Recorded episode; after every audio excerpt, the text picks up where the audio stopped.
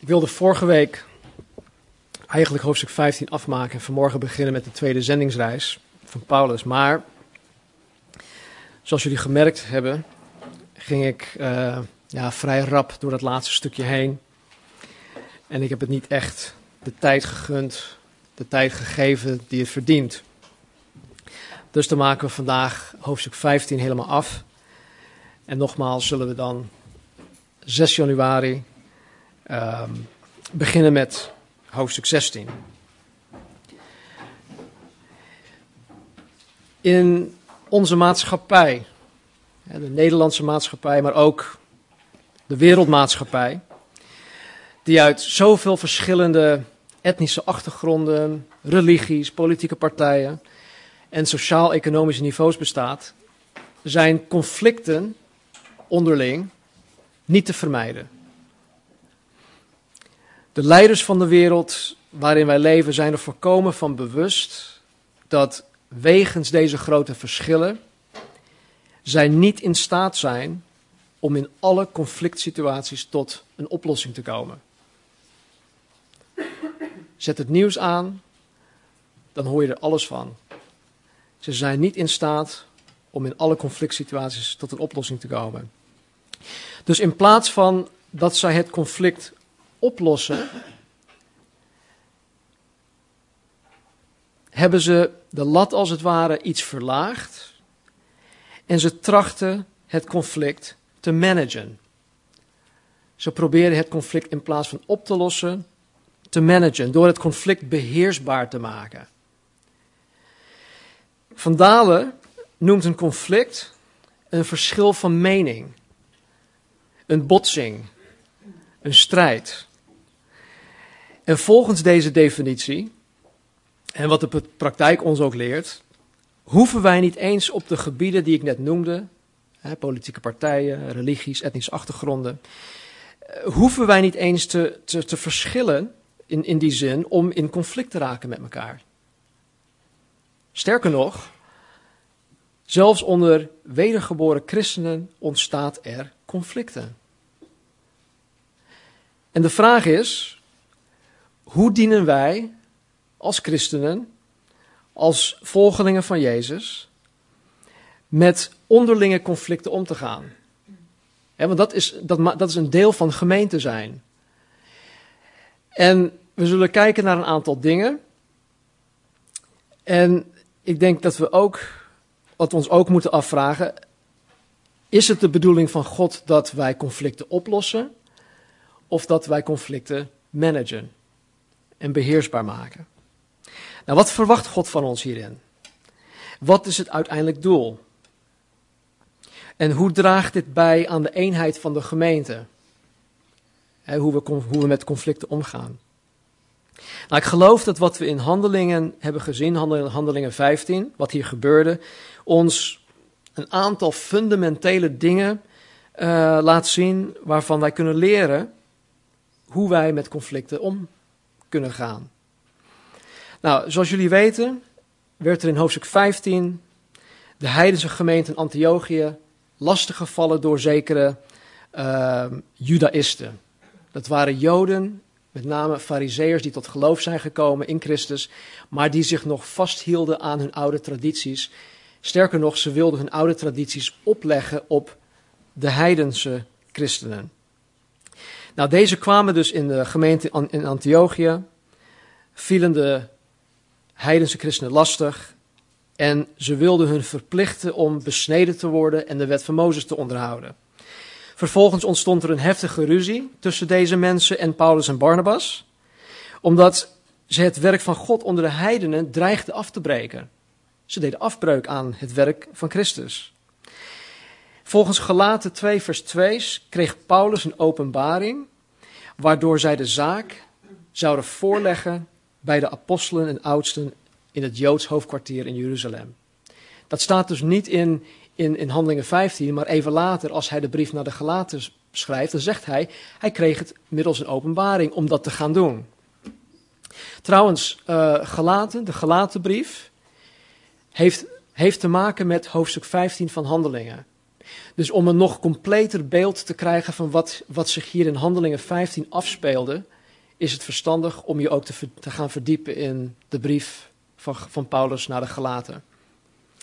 Nou, toen uh, Paulus en Barnabas en nog, en nog uh, andere mensen aankwamen in Jer Jeruzalem om dit voor te leggen, brak ook daar een heftige ruzie uit. Totdat Petrus opstond en woorden van wijsheid sprak tot de groep. Vervolgens uh, stond ook Jacobus op. Jacobus was de voorganger van de gemeente. En Jacobus, onder de leiding van de Heilige Geest, sprak een oordeel uit over deze zaak.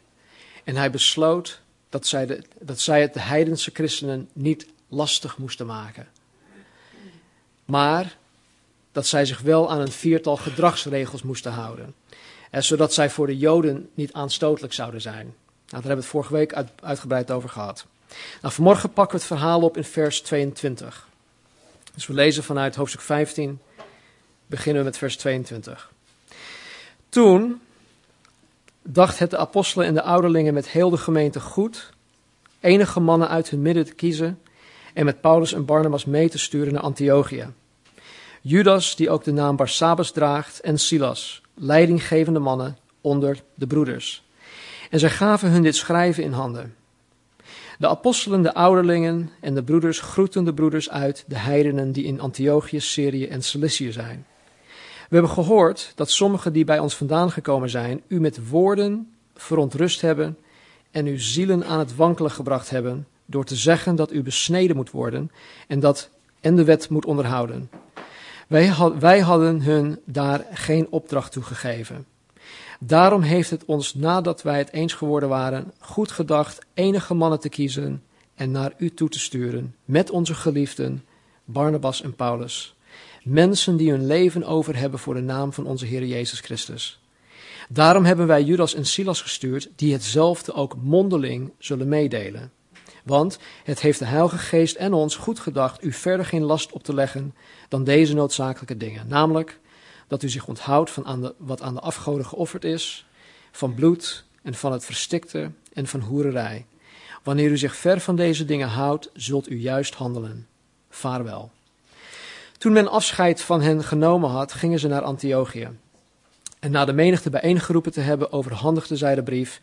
En toen ze die gelezen hadden, verblijden zij zich over de bemoediging. Judas nu en Silas, die ook zelf profeten waren, bemoedigden de broeders met veel woorden en sterkten hen.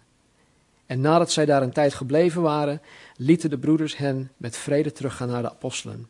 Maar het dacht Silas goed daar te blijven. En Paulus en Barnabas verbleven in Antiochië. Zij onderwezen en verkondigden nog met veel anderen het woord van de Here. En na enkele dagen zei Paulus tegen Barnabas: Laten wij nu terugkeren en onze broeders bezoeken in elke stad waar wij het woord van de Heer verkondigd hebben. En zien hoe het met hen gaat. En Barnabas stelde voor Johannes, die ook Marcus heet, mee te nemen. Maar Paulus vond het niet juist hem mee te nemen, omdat hij hen van Pamphylië af in de steek heeft gelaten. En niet met hen meegegaan was naar het werk. Er ontstond daarom verbittering, zodat zij uit elkaar gingen. En Barnabas Marcus meenam en per schip naar Cyprus vertrok, maar Paulus verkoos Silas en vertrok nadat hij door de broeders aan de genade van God opgedragen was. En hij reisde door Syrië en Cilicië en sterkte de gemeente. Tot zover. Vader, dank u wel voor uw woord. Heer, nogmaals, Heer, het zijn alleen maar woorden die gedrukt zijn op een bladzijde, tenzij u het ons openbaart, tenzij u het ons duidelijk maakt.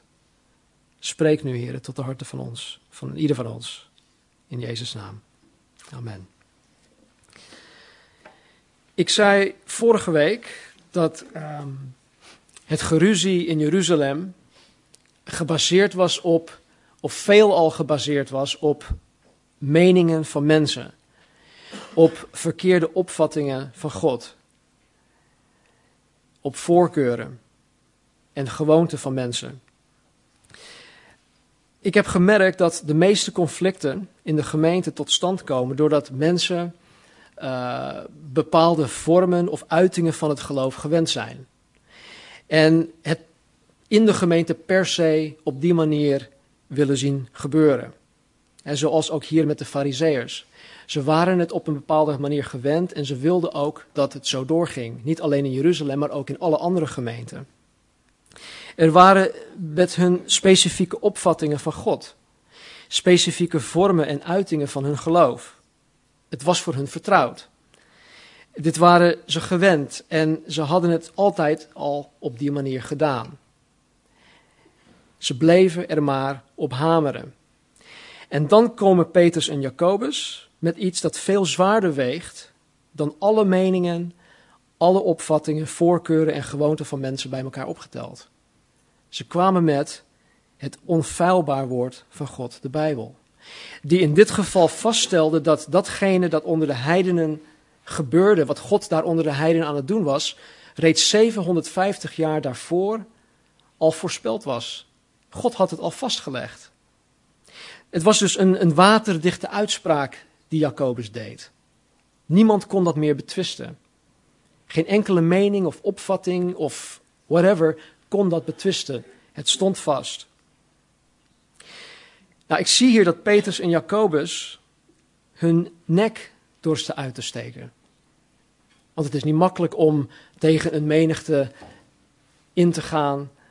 Want iedereen die heeft een eigen mening, iedereen die heeft een eigen opvatting. Ze komen met allerlei eh, verhalen. En dan staat eentje op, Petrus. En vervolgens staat Jacobus op. Dus ik zie in hun dat ze hun, hun nekken dorsten uit te steken.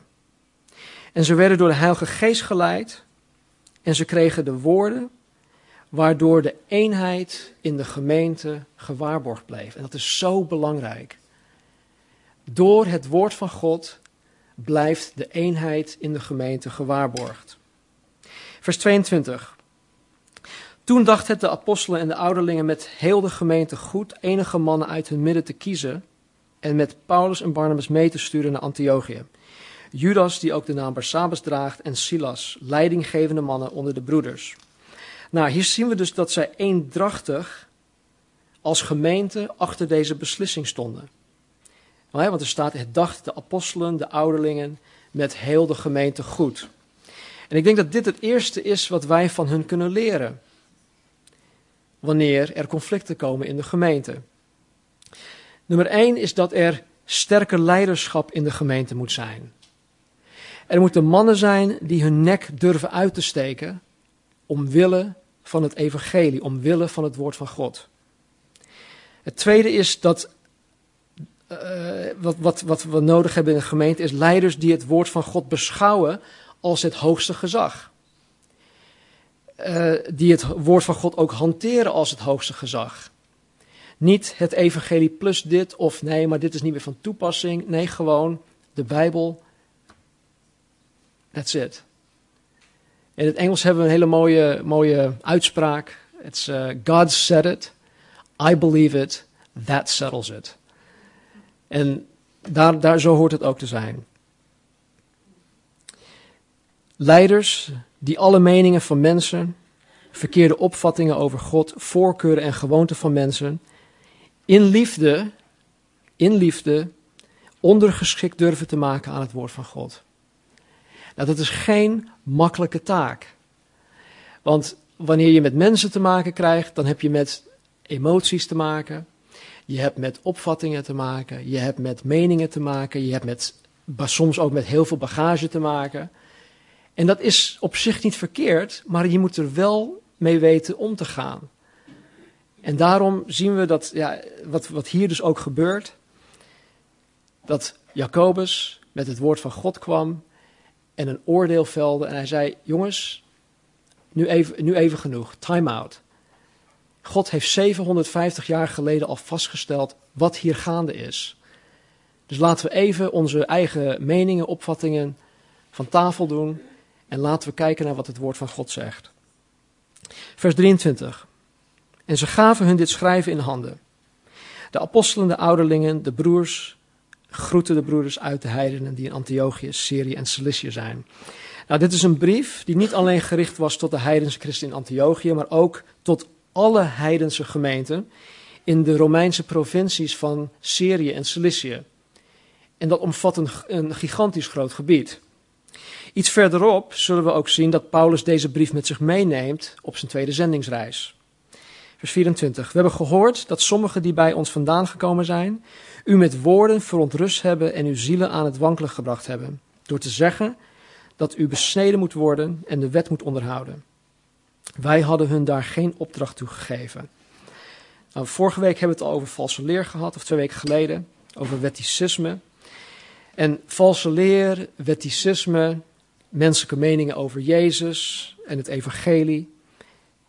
Deze dingen, alhoewel heel verschillend, hebben allemaal iets gemeenschappelijks. Wanneer ze de gemeente binnendringen.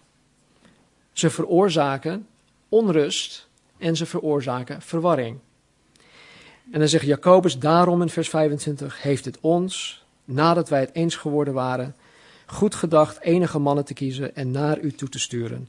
Met onze geliefde Barnabas en Paulus. Mensen die hun leven over hebben voor de naam van onze Heer Jezus Christus. Nou, wetende dat de Judaïsten het gezag van Barnabas en Paulus in Antiochië hadden ondermijnd, geeft Jacobus Barnabas en Paulus met deze brief, of in deze brief, een soort van getuigschrift mee. En het was niet zomaar een getuigschrift waarin staat uh, dat ze hun taken naar behoren hebben uitgevoerd, dat ze goed hebben gepresteerd en dat ze iets ja, mee bijgedragen hebben aan de algehele operatie van de gemeente in Jeruzalem. Nee, het was niet zoiets. Wat zegt Jacobus hierover? Of over hun? Hij zegt, hij noemt hun onze geliefden. Barnabas en Paulus zijn onze geliefden. Het Centrum van Bijbelonderzoek zegt dit. Door Paulus en Barnabas geliefden te noemen, legt Jacobus de nadruk op zijn sterke verbondenheid met en zijn grote waardering voor Barnabas en Paulus, zijn medestrijders in de evangelie verkondigen. Ook zegt Jacobus over hun dat zij hun leven over hebben voor de naam van onze Heer Jezus Christus. Letterlijk staat er dat Barnabas en Paulus hun leven overgegeven hadden, of overhandigd hadden, of overgeleverd hebben aan Jezus Christus. Nou, dit is voor mij verbazingwekkend. Dat twee mannen van vlees en bloed hun leven aan iemand anders overhandigen. Vrijwillig. Want ja, voor mij is het verbazingwekkend, omdat het leven, of mijn leven, laat ik even van mijn persoon uitgaan, mijn leven is mijn allerbelangrijkst bezit. Ik denk van jullie ook. Over het algemeen, van de mens, hè, uitzonderingen daar gelaten. Als iemand mij op een gegeven moment zou beroven, ik ben uh, onder, uh, onder bedreiging van een vuurwapen. En ik uh, zit in mijn auto. En ik noem maar wat. Ik heb, ik heb alle spullen van de kerk bij me. Ik heb een gitaar bij me. Rudolf met Taylor. Belangrijk bezit voor me, sorry. Maar goed, ik heb alles bij me, mijn hele spul. En onder bedreiging van een vuurwapen word ik beroofd. En dan zegt, dan zegt hij, ja, ik, ik wil dit, dit en dat. Wat doe ik? Ik zal zeggen, joh, neem mijn auto, hier heb je mijn portemonnee, ik zal je mijn pincode zelfs nog geven, uh, hier neem, neem mijn Taylor gitaar mee, maar schiet mij alsjeblieft niet. Dood mij niet, vermoord mij alsjeblieft niet. Waarom? Ik zal alles weggeven, behalve mijn eigen leven. En het is voor iedereen zo. Het leven, mijn leven, jullie leven is je meest kostbaar, je allerbelangrijkst bezit. Dus het feit dat Barnabas en Paulus hun allerbelangrijkst bezit, hun leven, vrijwillig overhandigd hebben aan Jezus, zegt veel over hun, maar het zegt nog veel meer over Jezus. Als zij dit dan hebben kunnen doen, waarom heb ik daar zoveel moeite mee? Waarom heb ik zo weinig over voor Jezus? Waarom wil ik mijn allerbelangrijkst bezit, mijn leven, niet zo vrijwillig overhandigen aan Jezus? Nou, ik geloof dat één grote reden is omdat ik Jezus en het evangelie niet zodanig ken als Paulus en Barnabas. Nou, om hem te kennen of te leren kennen zoals hij gekend wil worden, moet ik dus meer voor Jezus over willen hebben. Dus veel voor Jezus over willen hebben, ofwel dat wij ons leven aan Hem overgeven, is onlosmakelijk verbonden aan het kennen van wie Hij is. En andersom. Met andere woorden, als ik in staat wil zijn om mijn leven aan Jezus te willen overhandigen, dan moet ik Hem kennen. Want ik geef niet zomaar mijn meest kostbaar bezit aan Jan en Alleman. Ik moet Hem kennen. Ik moet Hem kunnen vertrouwen. Ik moet mijn leven aan Hem toe kunnen vertrouwen. Tegelijkertijd, om Jezus steeds beter te leren kennen, moet ik steeds meer van mijn leven aan Hem overgeven. Naarmate ik meer van mezelf aan Hem toevertrouw, zal Hij meer van zichzelf aan mij kenbaar maken. Dus het is een, ja, ik, ik, ik weet niet of je dat een wisselwerking zou kunnen noemen, maar ik heb mijn aandeel en Hij heeft zijn aandeel hierin. Maar waar begin ik? Hoe, hoe, hoe, hoe, voer ik zoiets uit in de praktijk? Misschien is dat allemaal een hele mooie theorie. Oké, je geeft je leven over aan Jezus en Hij zal zich meer openbaren. En nou, probeer het maar te doen. Waar begin ik? Hoe kan ik in de praktijk meer van mijn leven aan Hem overgeven, zodat ik Hem beter leer kennen zoals Hij gekend wil worden?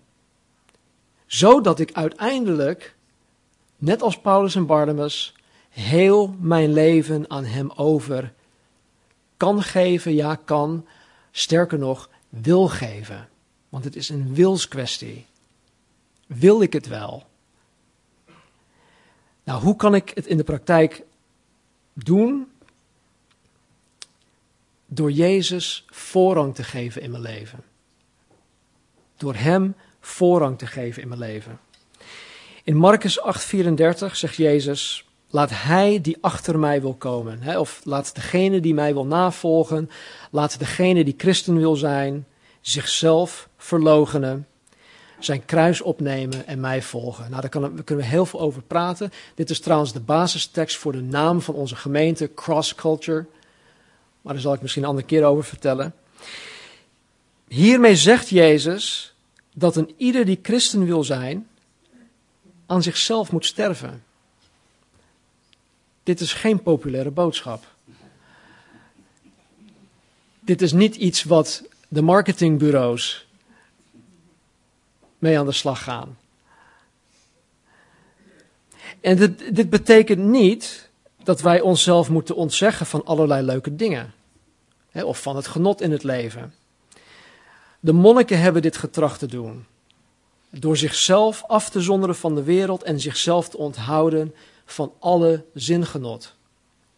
Ook de boeddhisten streven ernaar om hun begeerte te onderdrukken en een rein leven te leiden. Het probleem hiermee is dat zij er vroeg of laat achterkomen dat ondanks dat zij zich van alle externe invloeden hebben verwijderd, zij nog steeds de begeerte van het vlees hebben dat ondanks dat zij zichzelf helemaal verwijderd hebben van alle externe invloeden, dat zij zichzelf daar ook tegenkomen. Dus wat betekent dit dan wel? Jezelf verloochenen, je kruis opnemen en Jezus volgen. Wat bedoelt Jezus ermee dat de christen aan zichzelf moet gaan sterven? In Romeinen 6 staat er dit. Romeinen 6, vers 3, 4 en 6. Weet u niet dat wij allen die in Christus Jezus gedoopt zijn, in zijn dood gedoopt zijn? Wij zijn dan met hem begraven door de doop in de dood. Opdat evenals Christus uit de doden is opgewekt door de heerlijkheid van de Vader, zo ook wij in een nieuw leven zouden wandelen.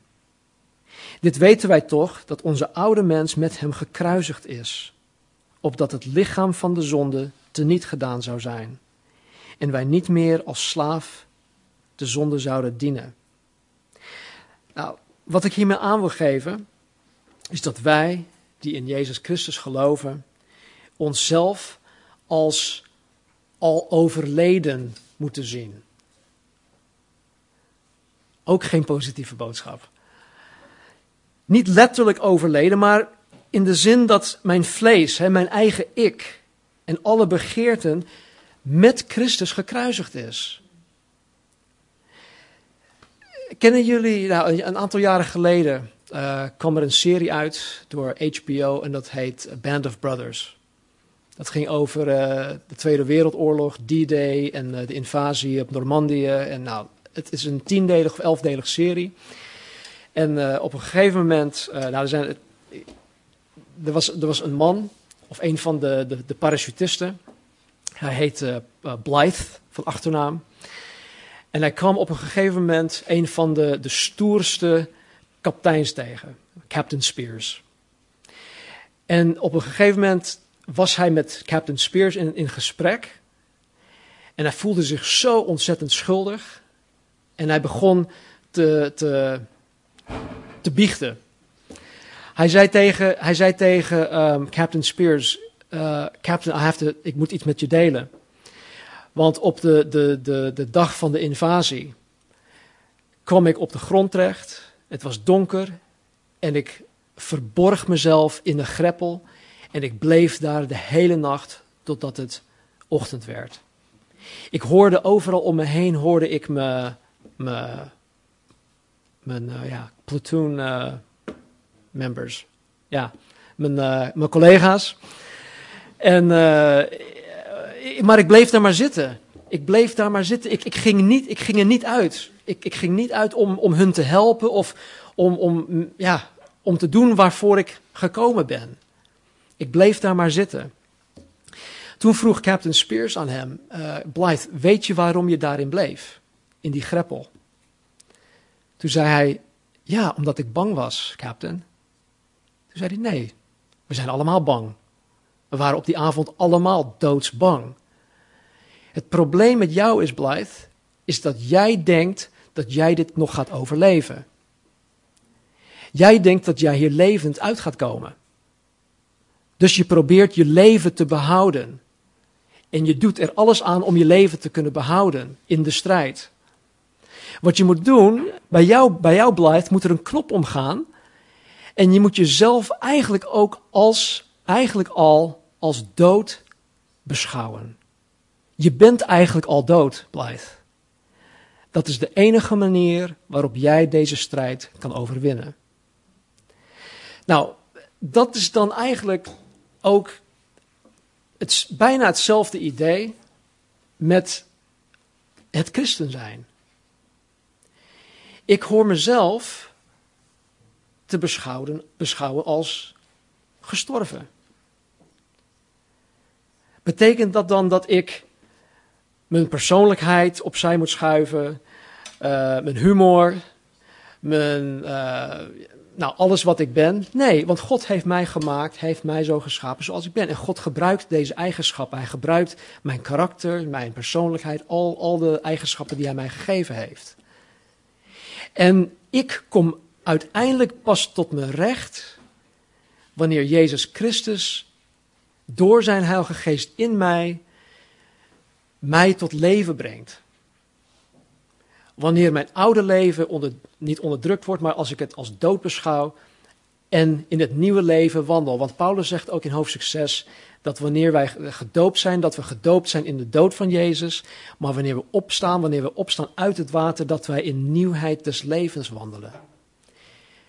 Dan horen we te wandelen alsof we, alsof we eigenlijk dood zijn geweest. En in één keer, boem, we zijn weer wakker, we zijn levend. Nou, ik denk dat je, als, als je dat overkomt, dat je heel anders in het leven zal staan.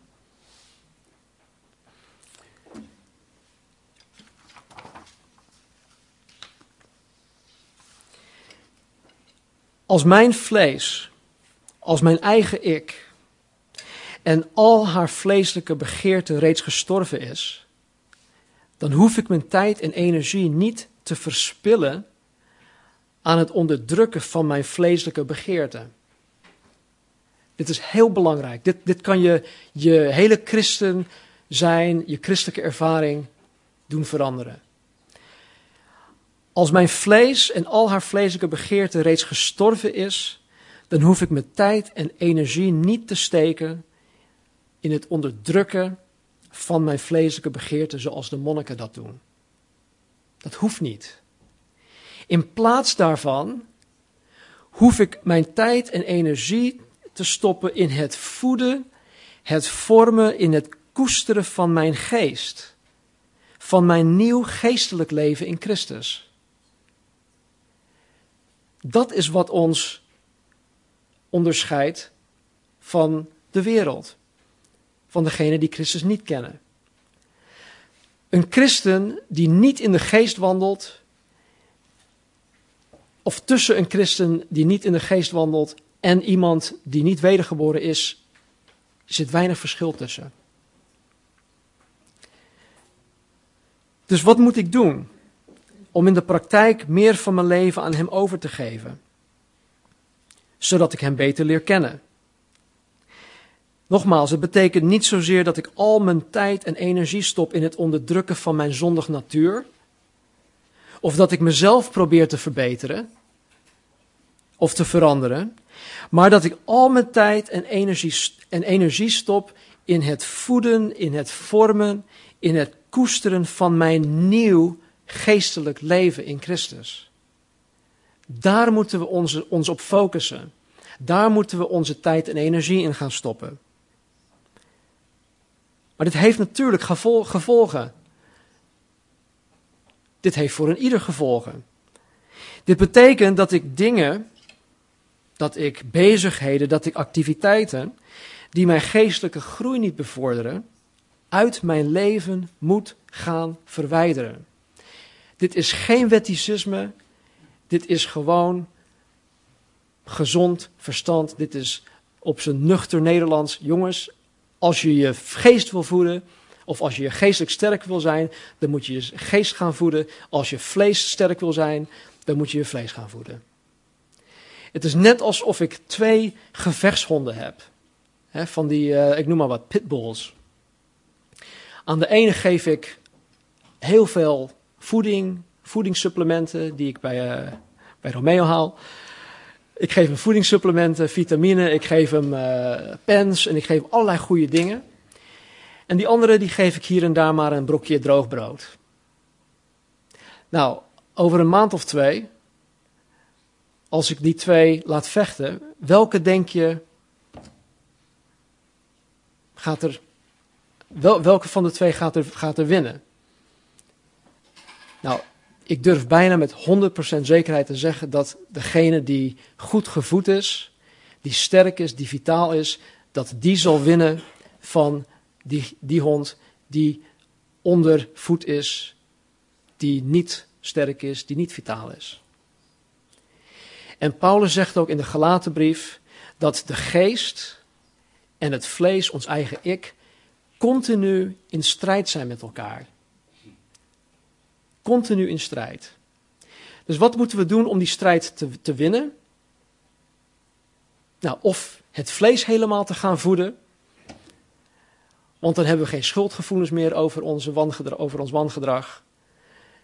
Of we kunnen ons geest gaan voeden. En ons vlees, ons eigen ik in bedwang houden. Nou, Barnabas en Paulus hadden hun leven overgegeven aan Jezus. Paulus zegt in Galaten 2, vers 20: Ik ben met Christus gekruisigd en ik leef. Toch leef ik, zegt hij. Maar niet meer ik, maar Christus leeft in mij. En voor zover ik nu in het vlees leef, leef ik door het geloof in de Zoon van God, die mij heeft liefgehad en zichzelf voor mij overgegeven heeft. Paulus was zich volkomen bewust dat Jezus zichzelf voor hem had overgegeven.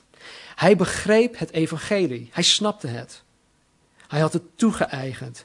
En het allerminste dat Paulus kon doen, was zichzelf aan Jezus over te geven. Door zichzelf aan Jezus terug te geven. Vers 27. Daarom hebben wij Judas en Silas gestuurd, die hetzelfde ook mondeling zullen meedelen.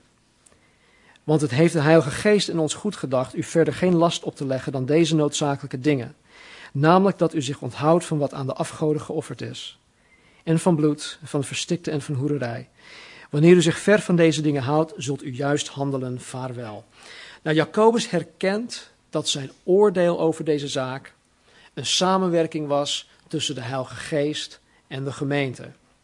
En doorslaggevend was het woord van God uit Amos 9, die het werk van God, dat God aan het doen was, uh, onder de heidenen bevestigde. Vers 30. Toen men afscheid van hen genomen had, gingen ze naar Antiochië. En na de menigte bijeengeroepen te hebben, overhandigden zij de brief. En toen, zij, en toen ze die gelezen hadden, verblijden zij zich over de bemoediging.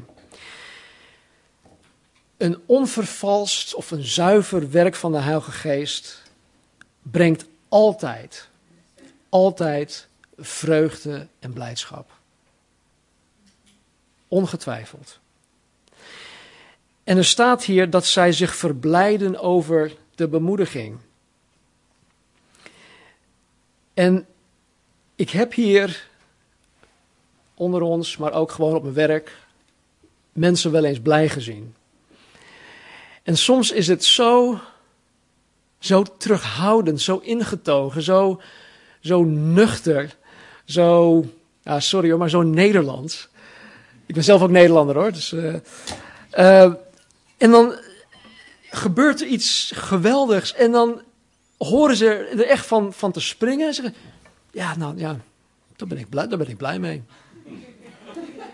Ja, nou, daar ben ik blij mee. Hartstikke goed.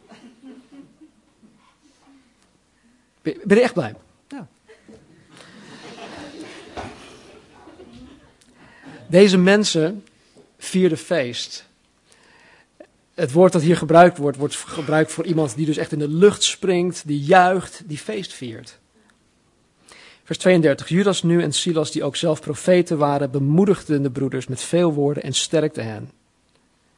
En nadat zij een tijd gebleven waren, lieten de broeders hen met vreugde teruggaan naar de apostelen. Maar het dacht Silas, daar goed, of Silas goed daar te blijven.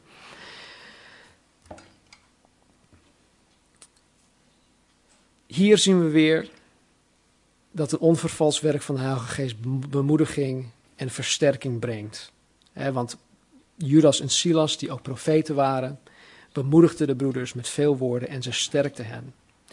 Waar valse leer in het begin van hoofdstuk 15, hè, wetticisme en dat soort dingen, waar dat de mensen uh, in verwarring brachten, waar het hun in uh, verontrust maakte, zien we dat het tegenovergestelde, de Heilige Geest, mensen sterkt, mensen bemoedigt, mensen verblijdt. Wat ik hier ook zie, is dat Silas, die ook in uh, verschillende brieven van Paulus als Silvanus genoemd uh, wordt, hij wordt uitgezonden door de gemeente in Jeruzalem. En dat hij dan gaandeweg een open deur van God had gekregen. Hij werd vanuit Jeruzalem gestuurd naar Antiochië. Hij bleef daar. En dus gaandeweg kreeg hij een open deur van God. Ik geloof dat hij ongetwijfeld in die periode de Heer had gezocht en gevraagd: Heer, moet ik nou hier in Antiochië blijven of moet ik terug naar Jeruzalem? Wat, wil, wat wilt u dat ik doen zou? Nou, het blijkt dat God hem daar in Antiochië wilde hebben, want uiteindelijk gaat hij mee met Paulus op zijn tweede zendingsreis. Vers 35. En Paulus en Barnabas verbleven in Antiochië en ze onderwezen en verkondigden met nog veel anderen het woord van de Heer. Nou, dus dit is eigenlijk het laatste gedeelte van het, de conflict situatie. En hier zien we dat nadat het conflict opgelost werd, dus niet gemanaged werd, maar opgelost werd, het werk van de Heer zich voortzette. Vers 36. En na enkele dagen zei Paulus tegen Barnabas: Laten we nu terugkeren en onze broeders bezoeken in elke stad waar wij het woord van de Heer verkondigd hebben. En zien hoe het met hen gaat. En Barnabas stelde voor Johannes, die ook Marcus heet, mee te nemen. Maar Paulus vond het niet juist hem mee te nemen, omdat hij hen van Pamphylia af in de steek gelaten had en niet met hen meegegaan was naar het werk. Nou, deze Johannes Marcus ging met Paulus en Barnabas mee op hun eerste zendingsreis. Maar, als je dat nog kan herinneren, keerde Johannes op een gegeven moment terug naar Antiochië. Hij ging dus niet verder met hun mee en hij had hen als het ware in de steek gelaten. Vers 39. Er, ontstond daarom verbittering. zodat ze uit elkaar gingen. En Barnabas Marcus meenam en per schip naar Cyprus vertrok, maar Paulus verkoos Silas en vertrok, nadat hij door de broeders aan de genade van de God opgedragen was. En hij reisde door Syrië en Cilicië en sterkte de gemeente. Nou, dit woordje verbittering, er ontstond verbittering, kan je ook zien als een conflict. Er ontstond een conflict, een conflict rondom uh, Johannes Marcus. En ze gingen ieder zijn eigen weg. Nou, wie van de twee had er gelijk? Paulus, die Johannes Marcus niet wilde meenemen? Of had Barnabas gelijk, die Johannes Marcus wel mee wilde nemen? Nou, ik geloof dat allebei wel gelijk hadden op sommige punten en dat, andere, dat ze ook weer ongelijk hadden op sommige punten. We weten dat Johannes Marcus uiteindelijk wel vruchtbaar was geworden in zijn bediening. En dat Paulus van hem hield en hem waardeerde als medestrijder in de evangelieverkondiging. En dat weten we vanuit een aantal brieven die Paulus ook had geschreven. Ik zal deze gewoon even noemen. In Colossense hoofdstuk 4 vers 10 staat er Aristarchus, mijn medegevangene, hè, want Paulus was destijds in de gevangenis, groet u. En Marcus, de neef van Barnabas, over wie u opdrachten ontvangen hebt. Als hij bij u komt, ontvang hem dan. En dus hij sprak over, Barnab over Marcus, de neef van Barnabas, als iemand die hij um, aanbeveelde of aanbeval. Hoe zeg je dat? Aanbeveelde. Dus uh, het, het kwam goed tussen die twee. Het kwam goed tussen hen. In 2 Timotheus 4, vers 11 staat er: Alleen Lucas is bij mij. Haal Marcus op en breng hem met u mee, want hij is voor mij van veel nut voor het dienstwerk. Er is terwijl Paulus daar gevangene was in Rome, schrijft hij deze brief aan Timotheus. Hij zegt: Joh, alleen Lucas is nog bij me. Haal Marcus op, breng hem met je mee.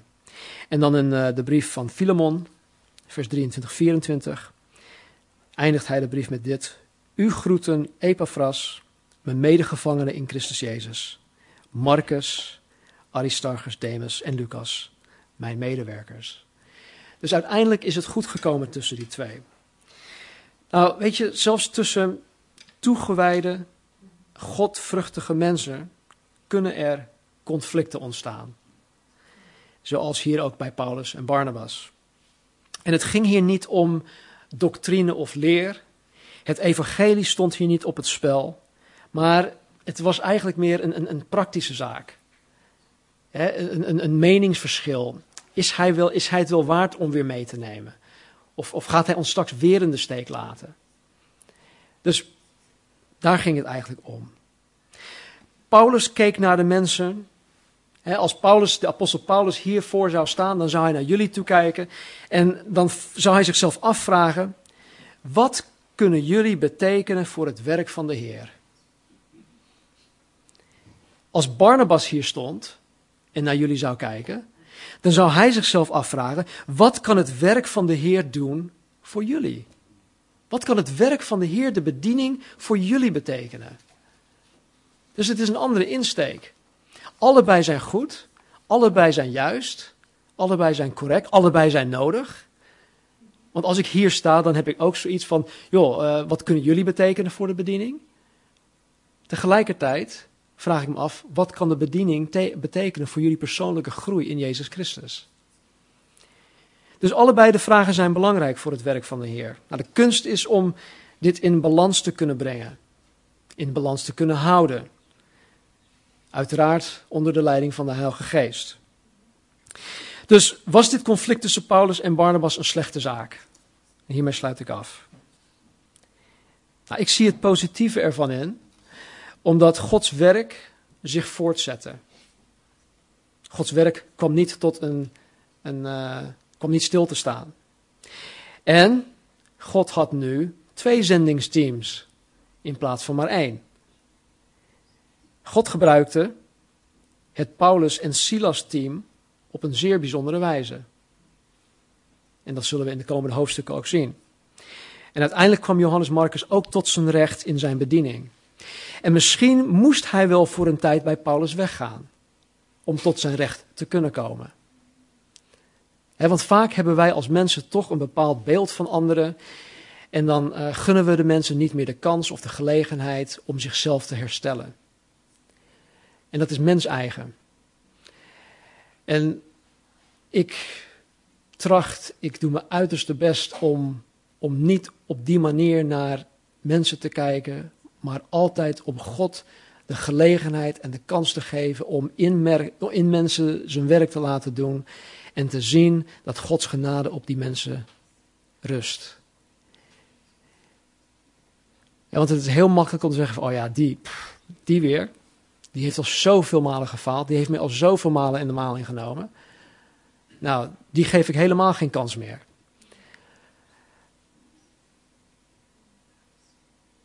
En ik, ik merk uit Paulus' zijn gedrevenheid, hè, dat lees je ook in zijn brieven, dat hij misschien de oogkleppen op had en van jongens, je bent of met me of je bent tegen me. Wij gaan het evangelie verkondigen en als je niet meedoet, nou, dan ben je een zwakkeling en noem maar op. Dan kan je liever thuis blijven. Keith Green was ook zo'n zo'n iemand.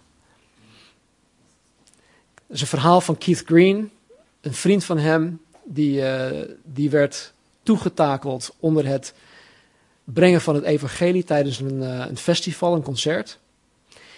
En hij was daar buiten met mensen bezig en was het, uh, het, evangelie aan het brengen, met mensen aan het praten. En hij werd op een gegeven moment echt helemaal in elkaar geslagen. Hij, is, hij lag in het ziekenhuis. En Keith Green kwam bij hem op bezoek in het ziekenhuis. En hij vertelde dus een beetje van hoe het gegaan was. En het enige wat Keith Green aan hem vroeg was: En waren er nog mensen tot bekering gekomen? Zo zie ik Paulus ook een beetje. Nou, hoe dan ook.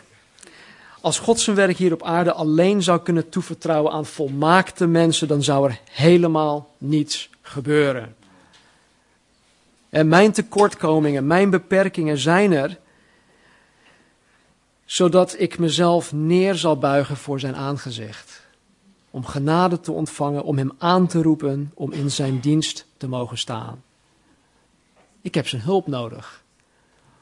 Als ik alles zo goed op een rijtje had, als ik alles kon, dan zou ik God niet nodig hebben. En uiteindelijk zijn geen van ons hiertoe bekwaam, zoals Paulus zegt in 2 Korinthe 3, vers 5. Onze bekwaamheid is uit God. Nou, al deze dingen bij elkaar opgeteld, zullen ons zeker helpen bijdragen in het oplossen en niet alleen maar beheersbaar maken van conflicten. Laten we bidden. Vader, dank u wel voor uw genade. Dank u, Heer, dat onze bekwaamheid uit u is. En Heer, alhoewel wij ons uiterste best moeten doen om ons te bekwamen in de dingen waartoe u ons geroepen heeft, Heer, komt het er uiteindelijk op neer dat u ons bekwaamheid bent. En dat onze bekwaamheid uit u komt. U geeft het, u helpt ons en u gebruikt ons. En de Heer, ik dank u voor uw woord dat levend is, die ons vandaag meer inzicht heeft gegeven tot wie u bent, maar ook tot wie wij zijn. Dank u wel dat u de spiegel voor ons heeft gehouden vanmorgen. Dank u, Heer, dat, ons, dat u ons uw woord heeft gegeven, ook als het hoogste gezag. Heer, dat we het ook nergens anders hoeven te zoeken. Want in Christus wonen alle rijkdommen van kennis en wijsheid. En we horen het alleen bij Hem te zoeken. En Heer, ik dank u voor Paulus en Barnabas, die ons een voorbeeld geven om uh, na te kunnen volgen. Die hun leven overgegeven hebben aan Jezus, omdat zij, ja, omdat zij Jezus willen navolgen, omdat Jezus zich geheel aan hun hebben gegeven, maar ook aan ons. Help ons, Vader, om onszelf meer en meer aan U over te geven. Help ons, Vader, om U beter te leren kennen. En Heer, laat ons ook zien waar wij tekortschieten. Heer, laat ons zien waar wij dingen, activiteiten, bezigheden, hobby's en, en dat soort dingen. Heer, help ons te zien waar deze dingen U in de weg staan.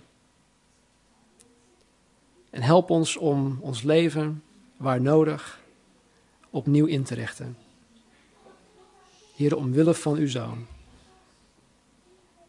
Help ons om al onze tijd en energie te steken, Heer, in het voeden, in het vormen, in het koesteren van ons geestelijk welzijn. Dank u wel.